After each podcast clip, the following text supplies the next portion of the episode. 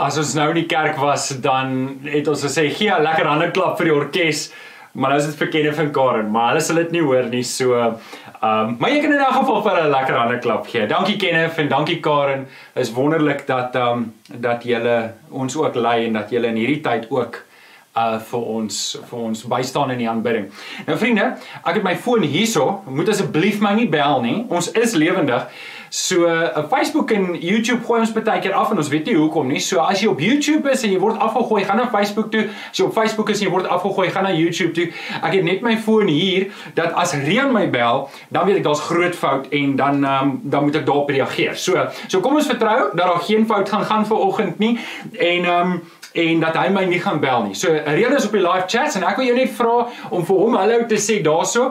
En as jy dit nog nie gedoen het, wil ek baie graag hê, wil jy nie net daarso op die live chat of op Facebook of op YouTube of op die kerk se WhatsApp lyn net sê hoeveel mense sit saam met jou en kyk daar dit help vir ons om te weet hoeveel mense ons bedien en ons wil jou graag beter bedien en as jy vir ons hiermee help, dan help dit vir ons regtig baie. So baie dankie daarvoor.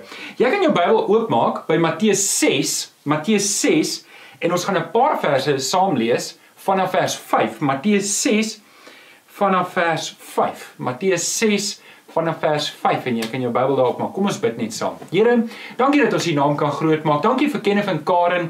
Here, um en al die ander orkeslede wat hulle tyd en hulle energie gee om om U te dien. En Here, ons weet daar gaan baie ure in ook rondom die bediening, maar dankie Here dat ons ag dat ons met sang U naam kan groot maak. Ons bring die lof en die eer aan U, Here. Amen. Amen. Nou ehm um, vriende, ek ons moet net baie keer 'n bietjie dankie ook sê en ek wil vir ehm um, Domie Chris dankie sê vir Domie Chris wat my help. Hy doen elke oggend 8uur doen hy getrou die oggend ehm um, oordeenking en ehm um, Rian wat elke dag 1uur En uh, Rian het vir my en Domie Chris opgelei. Domie Chris doen sy opnames by sy huis en ek doen dit hier by my huis.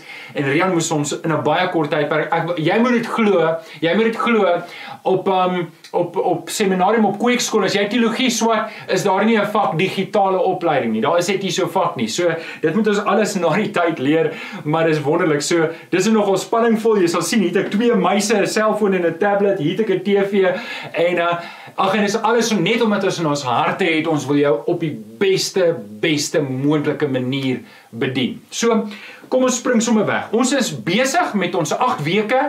Preekreeks, maar ek noem dit sommer 'n gebedsseminar, 'n gebedsseminar um, wat ons vir 8 weke elke Sondag en elke Woensdag gaan hanteer, behalwe nou volgende naweek wat Paasnaweek is. En ek wil baie graag hê jy moet inskakel. En as jy vir een of ander rede dit mis, kom haal dit in en en en en leer jouself en skool jouself in gebed. So in Matteus 6 kry ons die hele um die hele uh, af die hele lering rondom die onsse Vader. En wat ek net wil hê jy moet verstaan voordat ons verder gaan is dat hierdie is nie 'n rympie wat behoort gebid te word. Hier is hier is nie 'n rympie wat ek opsê en dan sê ek sommer net 'n rympie op en dan het ek nou gebid nie. Dit kan nie verder wees van die bedoeling van Jesus nie um toe Jesus en ons gaan in hierdie week daarby kom in die tuin van Getsemane kom en hy vra toe vir Johannes, Jakobus en vir Petrus om saam met hom te gaan om te gaan bid. Toe hy daar saam met hulle bid, toe kom hy terug en hy kry hulle in die slaap en hy sê vir hulle hierdie woorde. Hy sê vir hulle hierdie woorde. Hy sê vir hulle in um waar is hy nou? Nou het ek hom heeltemal misplaas. In Matteus 26 vers 40 kon julle nie eens 1 uur saam met my gewaak het nie. En daai woord waak bedoelende kon julle nie eens 1 uur saam met my gebid en tyd spandeer het saam met die Vader nie. En en dit was in Jesus se donkerste donkerste uur en ons weet die angs het net eenvoudig die disippels oorval. Hulle was moeg en hulle het nie slaap geraak. Maar wanneer ons daarna kyk en dan wonder ons, maar wat sou Jesus bedoel? Wat moet hulle bid vir 'n uur? En as ons na die onsse Vader kyk en en en ons ons breek dit op en ons sê maar dit is nie 'n rympie wat gebid moet word nie, maar liewer onderwerpe wat die Here vir sy disippels leer om volgens te bid. Dan kom ons skielik agter dis 'n uur nie so moeilik om te bid nie en kan 'n mens baie baie maklik 'n uur lank spandeer. So ons kan hierdie gebedseminar eintlik noem hoe om 1 uur saam met die Here in gebed te spandeer. En dit gaan alles oor verhouding. Weet jy, as jy my nie ken nie, gaan dit dalk moeilik wees om 'n uur saam met my tyd te spandeer, maar soos ek en jy mekaar beter leer ken, raak 'n uur min en kan ons 'n dag kan ons saam gaan kamp en saam vakansie hou. Um maar dit werk so hoe beter verhouding met ek met jou ontwikkel, hoe meer tyd wil ek saam met jou spandeer. En hier is ook waar van die Here en wat kom wanneer dit kom by gebed. En My gebed vir jou in hierdie tyd dat jy werklik sal verdiep in die Here ook met hierdie grendeltyd, hierdie lockdown tydperk, dat jy regtig sal verdiep in jou verhouding met die Here, dat dit regtig 'n tyd sal wees wat jy die Vader se hart sal ken, leer ken en um dat hierdie vir jou 'n kosbare tyd sal wees dat dat aan die einde van hierdie tyd dat jy sal sê jy sterker in die Here as gevolg van dit wat gebeur het. Nou, ek wil jou nooi, kom ons lees saam Matteus 6 vanaf vers 19. Matteus 6 vanaf vers 19 sê so moet julle bid En dan begin Jesus en hy leer die disippels: Ons Vader wat in die hemel is, laat U naam geheilig word. Laat U koninkryk kom, laat U wil ook op die aarde geskied net soos in die hemel. En dan sê hy verder: Gee ons vandag ons daaglikse brood en vergeef ons ons oortredings soos ons ook die vergewe wat teenoor ons oortree. En laat ons nie in die versoeking kom nie, maar verlos ons van die bose. En dan, jy sal sien in jou nuwe vertaling en jou 83 vertaling, is hierdie woorde nie, hy's dalk onder in die voetnotas, maar die ou vertaling sê dit by, want aan U behoort die koninkryk en die krag en die heerlikheid tot in ewigheid. Amen. Nou, hierdie eerste gedeelte en die laaste gedeelte, kom ons gaan net terug na die eerste gedeelte toe. Die eerste gedeelte sê Jesus dan so moet julle bid, ons Vader wat in die hemel is, laat U naam geheilig word. Wat 'n snaakse gebed is dit om te bid. Here, laat U naam geheilig word. Hierdie is die eerste onderwerp van gebed en dis lofprysing en aanbidding. En jy sal sien, ons noem dit 'n doxologie. 'n Doxologie is om lof te bring. Doxo beteken om lof te bring en eer te bring en dan in hierdie geval aan die Here. En ons wil eer bring aan die Here. Die eerste deel en dan die laaste deel soos wat in die ou vertaling is want aan U behoort die koninkryk en die krag en die heerlikheid tot in ewigheid. En dis waar ek vandag wil praat. Laasweek was die inleiding, hierdie week praat ons oor hoe om werklik die Here te aanbid. Nou, Jesus het vir die vrou, die Samaritaanse vrou by die put gesê, daar kom 'n tyd en die tyd is nou dat die mense God sal aanbid in gees en in waarheid. Nie in 'n tempel nie en nie op 'n berg nie, maar daar waar jy is. En dis hoekom dit belangrik is dat jy moet weet daar waar jy is, die Here is teenwoordig daar. Al is ek hier in my kamer en jy's daar in jou sitkamer of waar ook al jy is, dat jy sal weet die Here is daar en jy kan lof en eer aan die Here bring net daar waar jy is. Nou ons sê vir die Here dankie. Ons sê regtig vir die Here dankie vir manne en vroue met baie talent soos Kenneth en Karen wat die Here aanbid en ons lei in aanbidding op 'n Sondag en ek dink hulle doen dit goed. Ek is vir die Here baie dankbaar dat Kenneth en Karen in ons gemeente is en dat die Here uh, dit so voorsien het dat ons dat ons sulke gehalte musikante het soos die res van die orkes ook want die res van die orkes doen goed. Maar ek wil 'n bietjie verder praat as dit want sien, lofprysing en aanbidding is nie net dit wat op 'n Sondagoggend gebeur nie. Ek wil hê vir oggend met jou hart oop maak om dit huis toe te vat en deur die week die Here te aanbid by jou huis, in jou kar en daar waar jy gaan. Ek wil jou eintlik uitdaag vir oggend dat jy nooit weer 'n gebed sal begin sonder om eers te begin met lofprysing. Want dis wat Jesus sê. Jesus sê eintlik hierso as ons die ou vertaling byvat, wanneer jy bid, begin jy jou gebed met lofprysing en aanbidding en jy eindig jou gebed met lofprysing en aanbidding. Alles daar dit die die res is eintlik nie so belangrik nie. Dit is die belangrike ding, want dit is hoe jy met die Here, as ek 'n Engelse woord kan gebruik, connect. Dis hoe jy die Here aanraak. Dit is hoe jy jou hart oopmaak in gebed dat die Heilige Gees jou hart aanraak. En ehm um, dis waar ek 'n bietjie met jou wil gesels. Maar kom ons breek eers die teks oop. Kom ons breek eers 'n bietjie die teks oop en dan kyk ons 'n bietjie net na elke woord van die eerste frase van die Onse Vader. En ek wil ietsie sê oor elke frase en dan gaan ek vir jou vier praktiese goed gee hoe jy ehm um, die Here kan aanbid. Daar by jou huis, maak nie saak waar jy is nie en hoe jy elke gebed moet begin en afsluit van nou af. Dis die uitdaging aan my en aan jou. Elke gebed wat jy van nou af begin, begin jy met iets in die voege van Vader, ek bring die lof en die eer aan U. U is groot bo alles. En wanneer jy jou gebed afsluit, Vader, ek eer U in die wonderlike naam van ons Here Jesus. Dankie dat U my koning is. Dankie dat U my Here is. Dankie dat U my kom red het van myself in Jesus naam. Amen. Begin van nou af, al is dit net een frase in die begin en een frase aan die einde, maar begin in die gewoonte kom om 'n doxologie in jou gebed in te werk om te begin deur om die Here se naam groot te maak. En vriende, hoe langer hoe langer tyd jy in dit spandeer in jou gebed, gebed, hoe meer tyd jy maak, gaan lees die psalms, dit gaan net oor die grootheid van die Here. Uh daar's 'n hele boek daaroor. Um en dis die hele psalms wat jy kan begin en dis hoe jou hart oopmaak vir die werking van die Heilige Gees. Wanneer jy aspres jou oë fokus, nie op jou probleme nie, nie op die dinge om jou nie, maar op die Here. En dis waar ek ver oggend 'n bietjie met jou wil gesels. So, die eerste frase is dan ons Vader. Nou ons het laasweek 'n bietjie daaroor gepraat, ek wil 'n bietjie verder gaan. In Romeine 8 vers 15 tot 16 lees ons die volgende: Die Gees wat aan julle gegee is, wie het dit aan ons gegee? God het dit aan ons gegee. Wanneer het God sy Heilige Gees aan ons gegee? Handelinge 2 vers 38, die dag toe ek tot bekering gekom het. Johannes 1 vers 12, die dag toe ek Jesus aangeneem het, het ek weer wedergeboorte gekry en daarom het ek dan die Heilige Gees. So die Gees wat aan julle gegee is, maak julle nie tot slawe nie. Ek is nie 'n slaaf nie, ek is nie 'n slaaf van my sonde nie. Ek is 'n oorwinnaar daaroor. Ek is nie 'n slaaf van my werknemer of my werkgewer. Ek is nie 'n slaaf van geld nie. Ek is nie 'n slaaf nie en laat julle nie weer in vrees lewe nie. Julle het die Gees ontvang wat julle tot kinders van God maak en julle laat uitroep Abba en dit beteken Vader. En en en hier hier hier moet ons begin. Hier moet ons begin. Dit beteken Vader, hierdie Gees, hierdie Heilige Gees wat God in ons harte gesit het, getuig binne in my hart dat ek 'n kind van God is en dis hoe ek weet ek is 'n kind van God. En ek het dit al male sonder taal gedoen. As jy daar sit en die Heilige Gees is nie in jou nie, dan gaan jy die onsekerheid beleef van is ek werklik 'n kind van God. Maar ons begin die gebed. Ons begin die gebed deur om te sê ons Vader ons Vader. Wat beteken dit? Wat dit beteken dat God vir ons 'n pa is.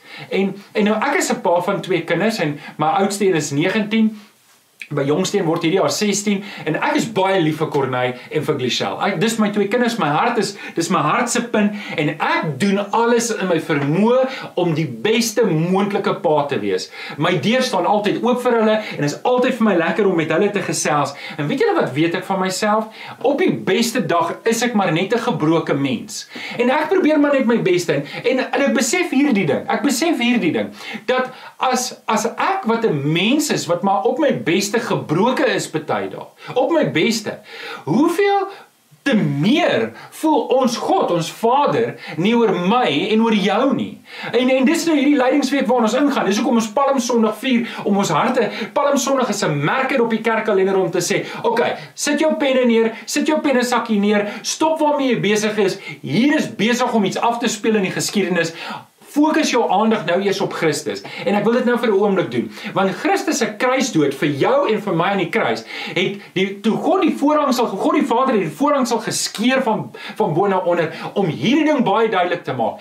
Ek wil hê jy moet weet jy het vrye toegang tot my. Ek wil hê jy moet weet jy gaan nie weer deur 'n priester gaan of deur 'n hoëpriester gaan nie. Jy kan nou direk deur die Here Jesus Johannes 14 vers 6 wat sê ons het vrye toegang. Ek is die weg en die waarheid en die lewe. Niemand Niemand kom na die Vader toe behalwe deur my nie. Jesus gee vir jou en vir my vrye toegang tot die Vader. En wanneer ek weergebore is, Johannes 3 vers 3, wanneer ek weergebore word, dan word God nie my speelspeelpa nie. Hy word werklik my pa 'n groter realiteit as jou aardse pa. 'n Groter realiteit as die pa wat jy dalk ken, jou bloedpa. Hierdie pa, hierdie hemelse pa, het sy seun aan die kruis laat sterf om jou te red. Hy is lief vir jou. En ek wil hê jy moet hierdie ding vasmaak in jou hart, want dit is met hierdie gesindheid wanneer jy in gebed gaan en jy maak jou oë toe en jy staan op jou knieë en jy begin om die Here te aanbid, dan moet jy hierdie ding in gedagte hou. Jy het 'n pa wat ongelooflik lief is vir jou en wat jou wil hê. Hy Hy wil hê jy moet tyd spandeer. Hy wil hê jy moet met hom praat en hy wil hê jy moet bid. Nou, dit is wat dit beteken dat ons God aanspreek as Vader. Dis kosbaar. Dis kosbaar om te dink ons het 'n God wat wil hê ons moet hom Abba noem. Ons moet hom Vader noem. En hoe weet ons dit? Want hy sit die Heilige Gees in ons harte wat hierdie uitroep gee, hierdie kreet.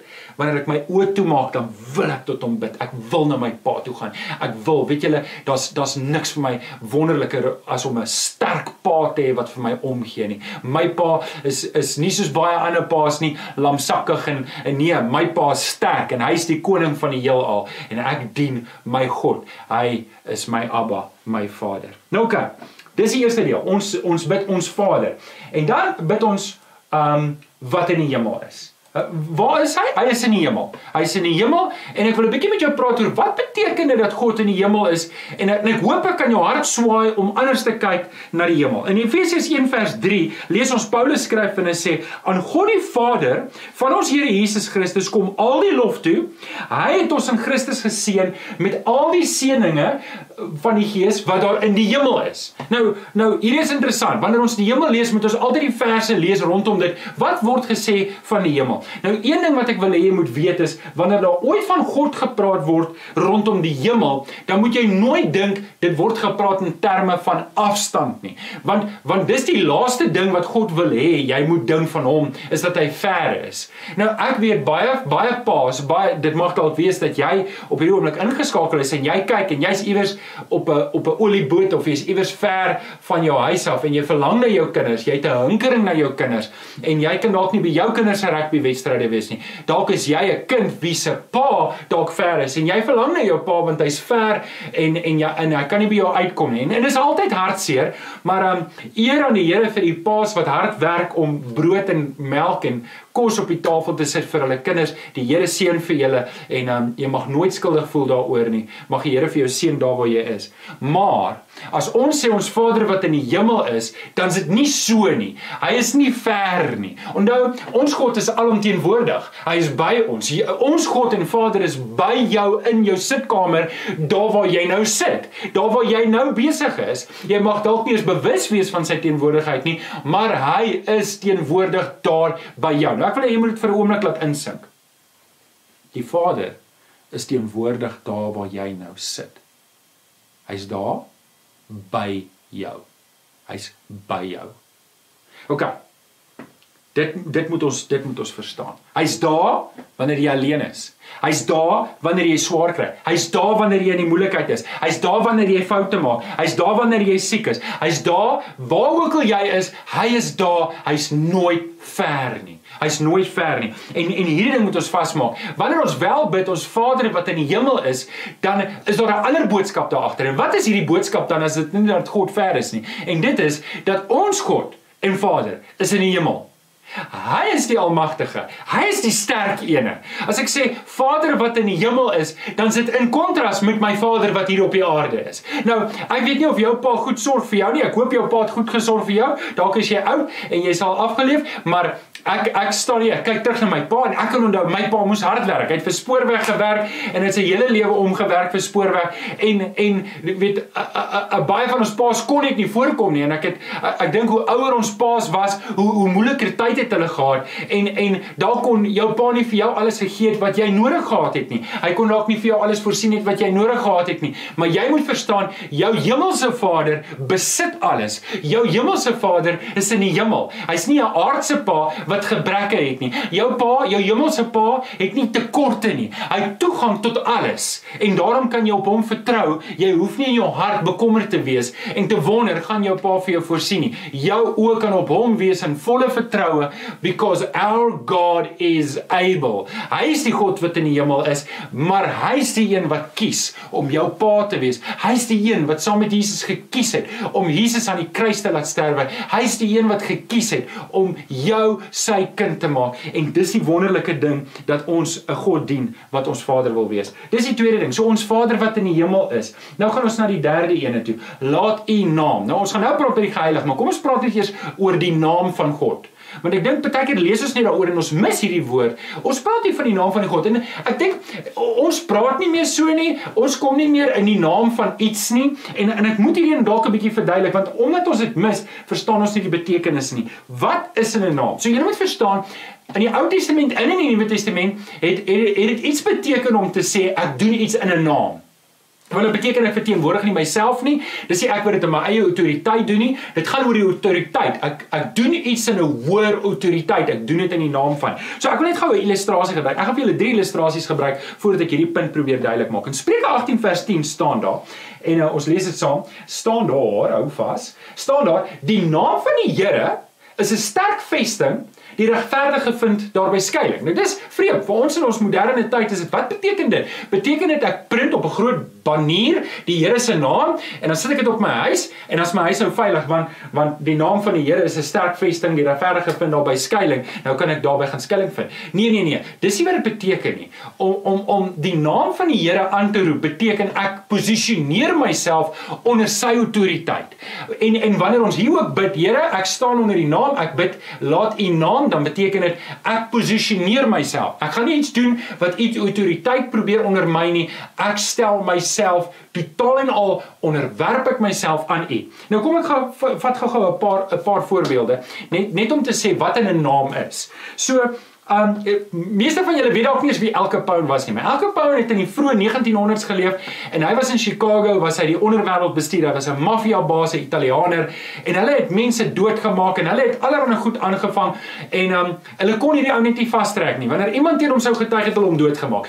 En en so dalk ken jy die storie van The Untouchables, maar in die 50s of die, ja, in die 50s het daar 'n film uitgekom en hulle het uiteindelik hierdie ou vasgetrek deur sy belasting wat hy ontduik het en nie op die moord nie. Hulle het hom tronk toe gestuur daar.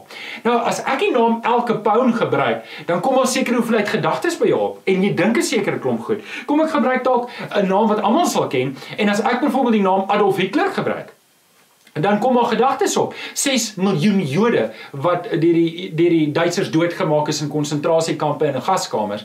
En en so wanneer ek sê Duitsers en wanneer ek sê Adolf Hitler dan dink ons gaan kommunisme en ons en en ons daar seker goedes wat name ehm um, ehm um, opbring in ons harte. Maar kom ek gee nog 'n naam en dis dalk 'n beter naam om te gebruik en en uh, voordat ons by die Here se naam kom. Daar's 'n man wat geleef het nie lank terug nie wat duisende duisende duisende mense na die Here Here toe gelei. As die geskiedenisboeke reg is, dan dan wil dit lyk like, kort voor lank gaan dit uitkom dat die enkele man wat die meeste mense na Jesus toe gelei het, was Billy Graham. Billy Graham het die voorreg gehad om met 215 miljoen mense oor Jesus te praat.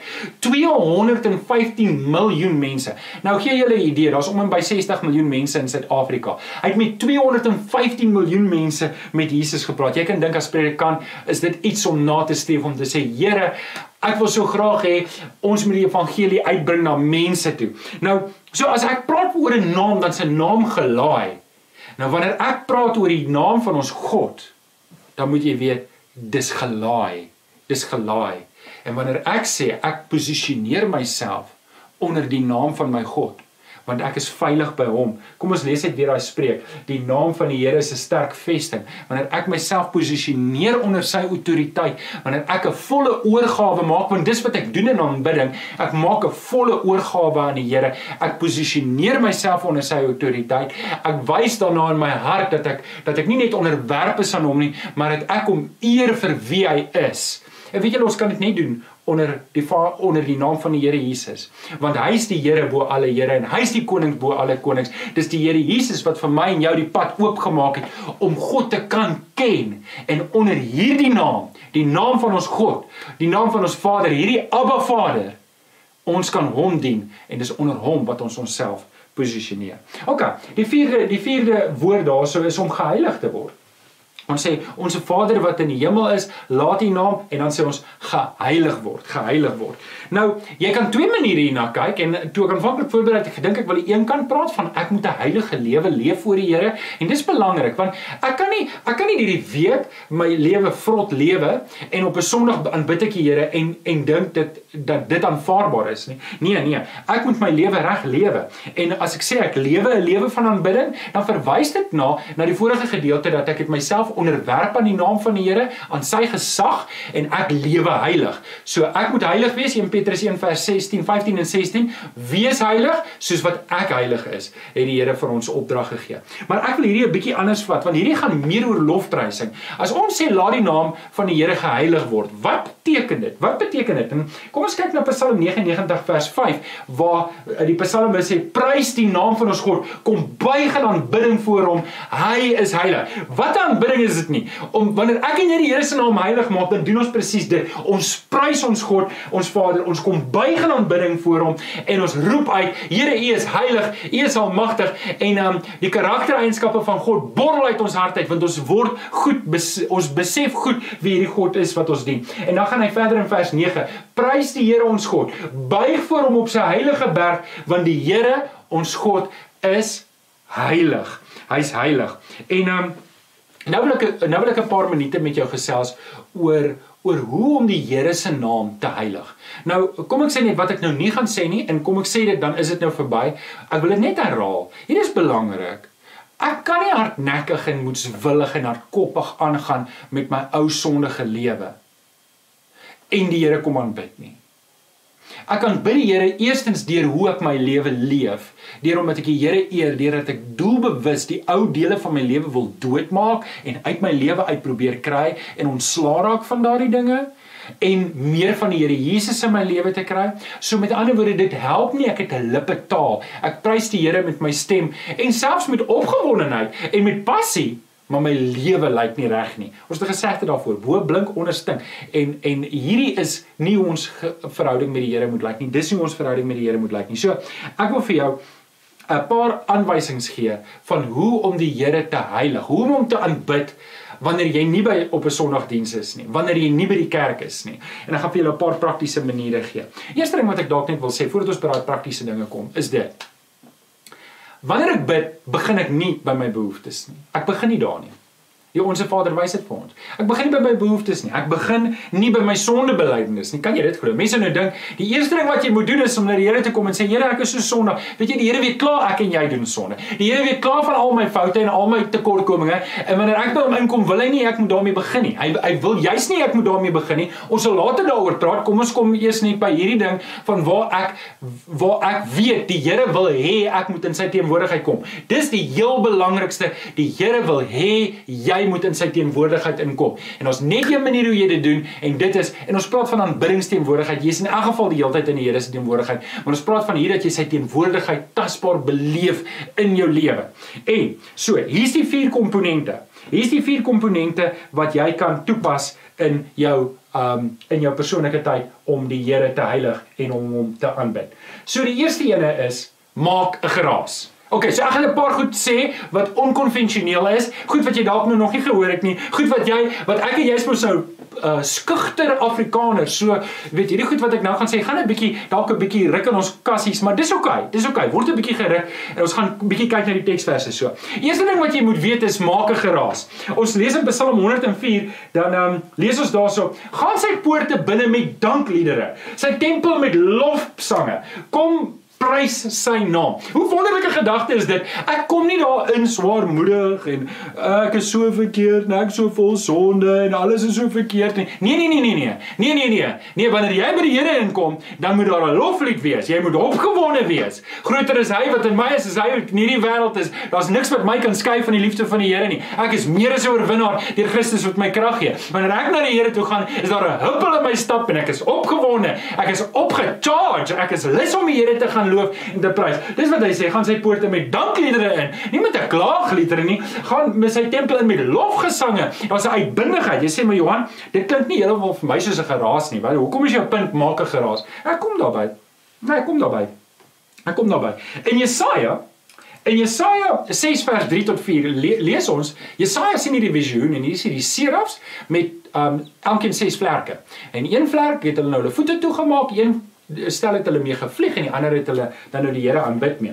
En dan lees ons hierdie serafs, hierdie serafs het die Here aan die Here aanbid. Hulle het gesê in vers 3.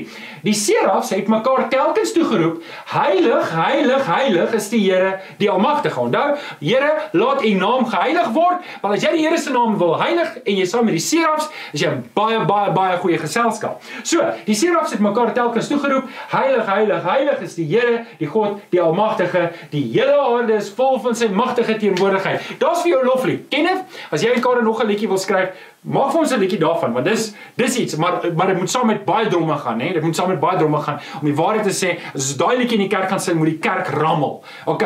Dan sê maar Johan, waarvan praat jy? Waarvan praat jy? Hoekom sê jy maak 'n geraas en daar staan niks van geraas nie? Nee, wag, ek is nog nie daar nie. Hoor die volgende vers. Hoor die volgende vers.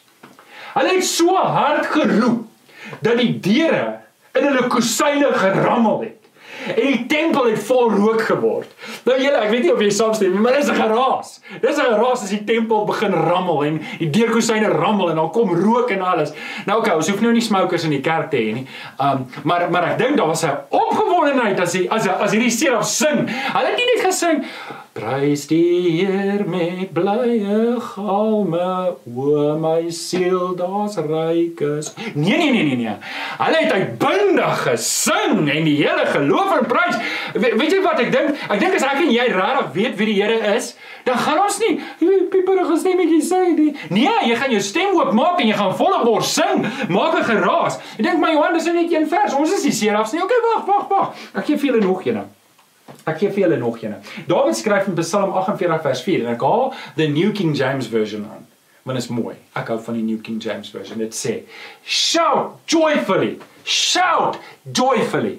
Ek moet dit dalk kalmer vat. Die bure gaan dink ek skree op my vrou en ek doen dit nie gewoonlik nie.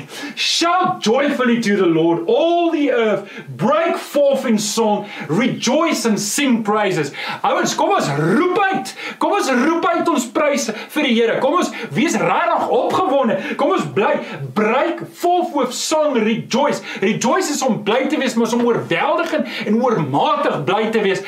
Is jy nie oormatig bly dat die Here jou kom red het en jou kom vat het van waar jy was tot waar jy nou is nie. Dit vat dit dit beteken ons moet 'n bietjie drive man. Ek kan nie net so tingerige Christen wees nie. Ek is opgewonde. Daar's iets in my hart. En en dis wat Psalm um 98 vers 4 sê. Ek prys die Here se naam. OK, was dit 'n bietjie te erg? Was dit 'n bietjie te erg? Wag tot die laaste een, dit raak erger. Dit raak erger. OK, nommer 2. Nommer 2. So nommer 1, maak 'n geraas. Nommer 2 is presies die teenoorgestelde word stil voor die Here. Word stil voor die Here. So in my tyd van aanbidding is daar 'n tyd om om 'n geraas te maak dat die vensters in die ek ek, ek hou daarvan om my musiek hard te sit en dan aanbid ek die Here um uh, so. OK? Maar um, daar word 'n tyd van stil word ook wat jy alles afsit. Wat jy in jou sitkamer op die mat gaan lê met jou gesig op die grond en net stil wees in die teenwoordigheid van die Here. Sagaria 2 vers 13. Sagaria 2 vers 13 sê: "Wees stil voor die Here, al wat leef. Hy kom uit sy heilige woning uit."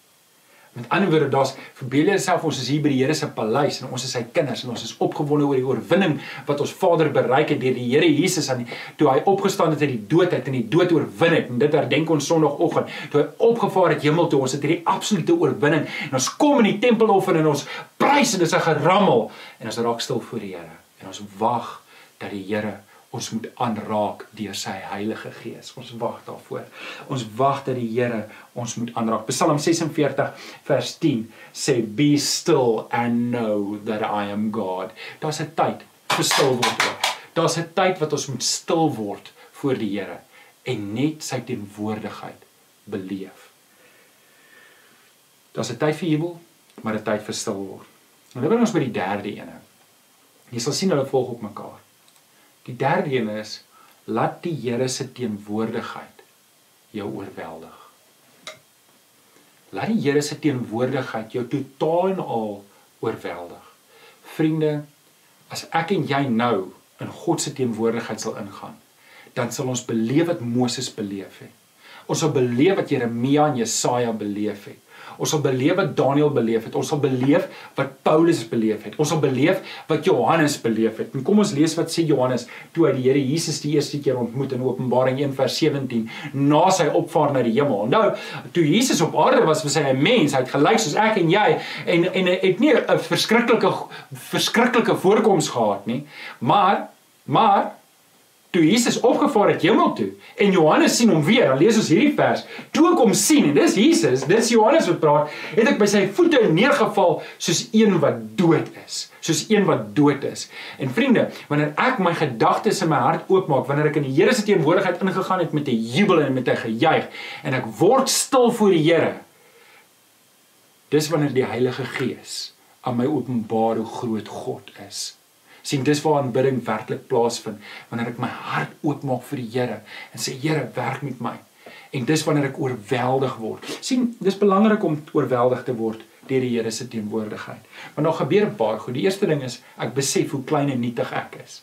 Ek besef hoe klein en hoe nietig ek is wanneer ek in die Here se teenwoordigheid is. Ek besef hoe klein ek is maar ek besef hoe groot God is. Ek besef dat my kleinheid maak God nie groter nie. God is so groot Ek is net te klein. My belange en my behoeftes en my probleme en dis die volgende ding wat gebeur is. Ek besef nie net hoe groot God is en hoe klein ek is nie. Ek besef hoe piep piep piep klein my probleme is. Ek besef hoe piep piep piep klein. My my vyande is en en al hierdie dinge in die wêreld is. Ek besef hoe klein dit is en ek besef eintlik hoe irrelevant dit alles is en en hoekom ek nie daar hoef te worry nie. Sien as ek net tot op hierdie punt kan kom in my aanbidding en my gebed waar ek die Here se naam groot maak ek besef hy is my Vader en ek kom net op hierdie punt dat ek toelaat dat die Here se teenwoordigheid my oorweldig en my oorrompel dan skielik maak niks anders saak nie As jy nog nie op daai plek was in jou aanbidding in jou persoonlike stilte tyd met die Here nie, dan wil ek vir jou vra om die Here te begin soek, dat jy oorweldig word deur sy teenwoordigheid, dat jy werklik sal besef wie hy is. Van skielik gaan jy agterkom, weet jy wat niks anders maak regtig saak nie. Dis wanneer jy 'n goddelike perspektief op jou lewe kry. Dit bring ons by die laaste ene. Dit bring ons by die laaste ene.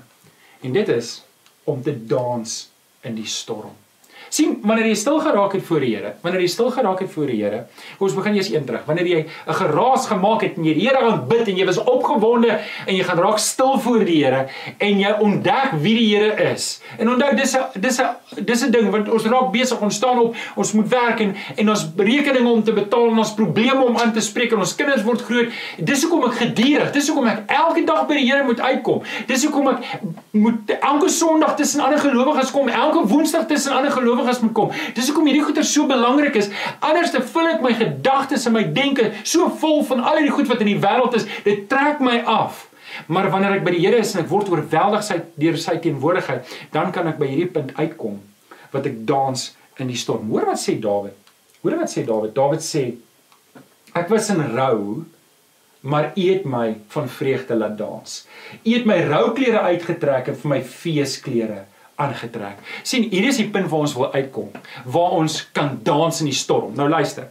Jy sê Johan, vra jy nou vir my om te dans? Man, ek is lief vir dans. Ek mind nie om voor die Here te dans nie. Ek sal dit nou nie voor hele doen nie, maar ek dans graag voor die Here in my in my persoonlike tyd waar niemand my sien nie, waar net die Here my sien. Ek doen dit graag. Dit is my lekker om die Here te aanbid want my bene kan nie stil staan as ek ek kan nie stil staan as ek stil staan nie. Julle weet dit, dit sien julle gereeld op 'n Sondag. Maar ehm um, praat ek fisies van 'n letterlike dans? Nee, jy hoef nie te dans nie. Dalk is jy nie 'n danser nie. Dalk is jy 'n regte Afrikaner wat regtig weet jy jy's jy vasgesement daar waar jy staan en dis hoe jy die Here aanbid. En dit is oukei. Okay. Hierdie is meer 'n simboliese gedagte van om te sê, weet jy, as ek by die Here was en ek weet wie die Here was en ek, ek weet wie die Here is en ek weet hoe groot hy is, ek weet hoe klein ek is en ek weet hoe klein my probleme is, dan kan die storm maar kom, ek kan dans. Ek kan dans. Ek kan dans. Die storm kan maar kom. Ek is nie bang nie want ek weet wie my God is. Ek is nie bang nie want ek weet wat sy naam is. Ek kan hom aanroep. Hy's my Abba, my God en my Vader. Ek weet my Pa is die koning van die konings die hele oor die hele al. Hy is die almagtige, hy is die sterke, hy is die heerser oor al die heersers. Ek is nie bang nie. Ek is bang vir niks nie, want ek weet wie my pa is. En te min kinders van die Here kom op daai plek in hulle stilte tyd en hulle aanbidding dat hulle 'n openbaring het van wie God werklik is in hulle gebedstyd. Hulle lees dit in die skrif, hulle weet dit hier. Miskien is wanneer ek aanbid, wanneer dit hier kom. Ek kan dit hier lees, maar dis wanneer ek gaan stil raak voor die Here wat die Heilige Gees dit in my hart in brand dat dit dat dit vir ewig word. En maar ek moet gereeld by die Here kom sodat wanneer hierdie wêreld so goed weer my gedagtes kom dat ek amper kan detox saam met die Here dat die Here weer hierdie gemors uit my gedagtes uit kan haal dat ek kan perspektief hê, 'n goddelike perspektief op wie God is, 'n goddelike perspektief op wie ek is, 'n goddelike perspektief op waarheen die Here op pad is met my. sien dan intimideer hierdie lewe my nie. Dan maak dit nie eintlik saak nie, want ek is 'n gesand van die Here en ek lewe vir hom en ek lewe nie uit die bron van hierdie aarde nie. Ek lewe uit die bron van my Abba Vader. Ek lewe uit my bron van my Abba Vader. Nou, Spreuke 18 vers 10 bring ons terug by die naam. Spreuke 18 vers 10 sê: "Die naam van die Here is 'n sterk vesting. Die regverdige vind daarin skuilings." Nou vriende, hier gaan ek stop. Hier gaan ek stop en ehm um, ek wil jou uitdaag. Ons gaan nou ons vandag Palm Sondag, ons dink Jesus wat op 'n donkie se rug Jerusalem binne gegaan het. En Jesus het gekom op 'n donkie om vrede te bring, nie om oorlog te bring nie. Die vier perde wat ons in Openbaring lees gaan oorlog bring, maar dis eers in die eindtyd. Dis die laaste dag. OK? Nou herdenk ons Jesus wat op 'n donkie kom. Ek en jy het die evangelie om te verkondig. Ek en jy het 'n mooi boodskap om uit te bring vir hierdie wêreld. En dit is dat Jesus wil red. Maar ek moet seker maak my hart is reg. En al hoe ek my hart reg kry, is om op my knieë te wees voor God in aanbidding. Vriende, ek dink vandag se boodskap is 'n belangrike boodskap om vir jou te kan help net om te sien. Gebed is nie iets wat ek net vinnig in die lug en opgooi en hoop hy land iewers nie. Ek kom in vanoggend se studie, in vanoggend se boodskap sien jy dat ek en jy kan werklik 'n verhouding met die Here hê. Jy weet, as ek huisbesoek gaan doen by mense, dan sit ek 'n uur uit. Ek sit 45 minute uit van 15 minute om te ry na die volgende afspraak toe. En om 45 minute by jou te sit en te kuier is vir my niks nie. Ek geniet dit verskriklik om 15 45 minute met jou te sit en te kuier en, en sommer jou te beter te leer ken. En ek hoop ek kry die voorreg om eendag in jou sitkamer weet ek om sit as ek nog nooit het nie dit wel te doen. Maar julle om 45 minute by die Here te sit is te min. Is as as ek daai oop verhouding het, jy gaan agterkom as jy hierdie goed gaan probeer wat ek nou vandag vir jou gesê, gaan jy agterkom 45 minute is te min. Mag die Here vir jou seën. Ons gaan nou saam bid en dan gaan ons saam met Kenneth die slotlied sing. Kom ons bid saam. Here, Baie baie dankie. Dankie dat ons kan saam bid. Dankie Here dat ons U naam kan heilig deur lofprysing. Here, dankie dat U vir ons die Jesus vir ons kom leer het hoe om te bid. En, en ons vat die ou vertaling se woorde saam, dan begin ons met lofprysing en ons eindig met lofprysing. Ek kom vra Here dat U vir ons werklik sal seën, dat ons sal verstaan wat dit beteken om U te aanbid. Ons bring die lof en die eer aan U Here. Amen.